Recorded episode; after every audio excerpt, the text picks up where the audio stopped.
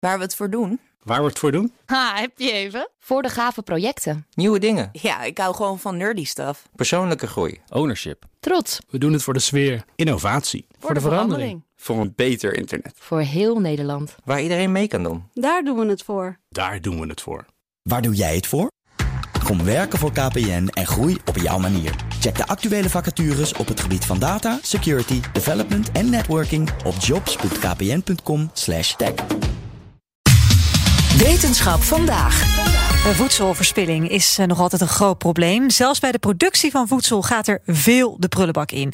In het Low Food Lab, is opgericht door onder andere chef Joris Beidendijk, proberen ze daar wat aan te doen. En onze wetenschapsredacteur Carlijn Meinders ging langs bij een van de onderzoeken waarin wordt gekeken naar sojapulp. Mijn naam is uh, Saskia Scheerder. Ik ben uh, van Manuals Food Lab in Rotterdam. Ik ben productontwikkelaar. Ja, en je hebt gewerkt aan een heel bijzonder project de laatste tijd. Zeker, ja. Wij hebben gewerkt aan het Okara Lab. Is onderdeel van het Low Food Lab. En wij zijn helemaal losgegaan op de grondstof Okara. Ja, dat kent misschien niet iedereen. misschien niet iedereen. nee, daar kan ik me iets bij voorstellen. Okara is eigenlijk het restproduct van de productie van sojamelk. Ah, ja. Oké, okay, dus schilletjes, een beetje dat soort dingen, pulp. Ja. En wat gebeurt daar nu op dit moment mee? Er gebeurt niet zo heel veel mee. Het wordt eigenlijk uh, als een, het is een afvalstroom. Dus eigenlijk gaat het, de, de bulk daarvan gaat naar de vergister uh, of wordt gebruikt als uh, veevoer. Oké, okay, wij doen er als mensen niet zo heel veel mee. Niet zoveel. Nee. Het is, de sojamelk wordt natuurlijk al lang gemaakt, veel delen van de wereld.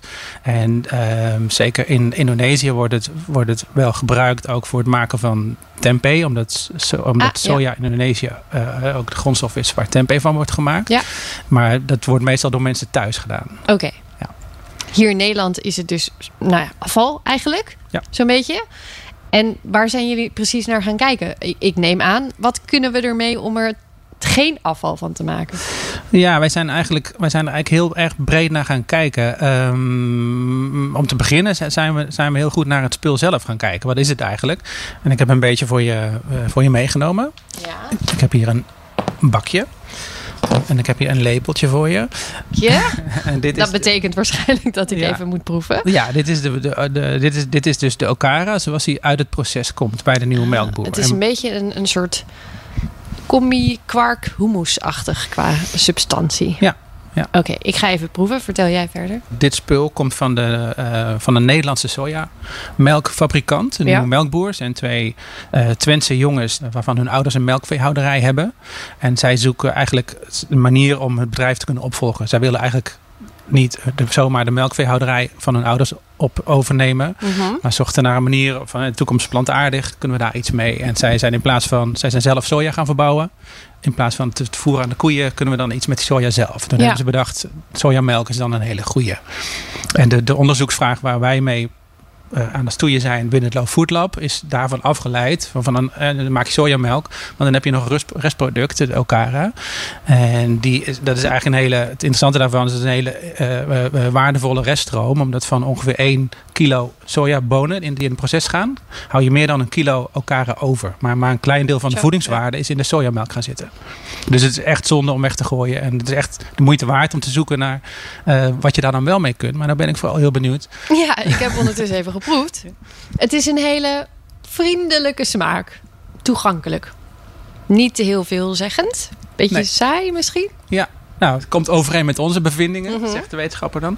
Toen dachten we ook van, dan, dan is het ook een soort eh, blank slate. eh, Een soort clean slate. Dit kon alles Dit- zijn. maar dit kan echt le- gewoon letterlijk ongeveer alles zijn. Ja. Dus als je er technisch naar kijkt, dan heeft het voedingsvezels. Het heeft, eh, het heeft 80% water. En verder heeft het voedingsvezel en dus wat eiwitten, vitamines en mineralen en, wat, en een beetje koolhydraten.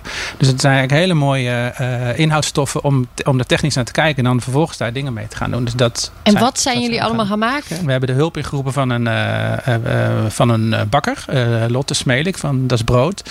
Als bakspecialist, omdat we dachten het heeft hele mooie bakeigenschappen. Mooie Mhm. met de toepassing in de bakindustrie.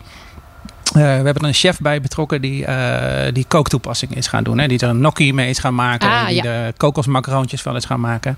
En vanuit Manenwolf, vanuit mijn Food Lab, wij zitten wat meer op de technische kant en op de wat spannendere uh, processen, de fermentatieprocessen.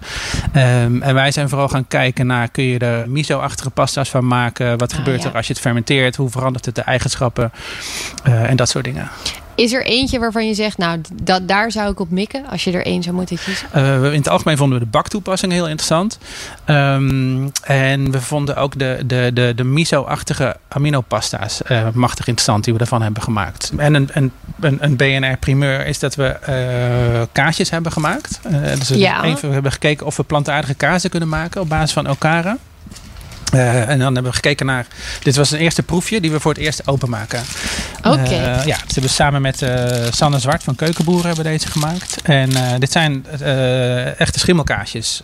Zo zien ze er ook uit. Camembert-achtig. Ja, dus het is ook wel leuk als jullie die willen proeven. Misschien willen Joris en jij die aansnijden. Best erin. Wauw. Ik bedoel, dit is echt kaas, toch? Dit is echt kaas. Dit. Ja. Heel lekker.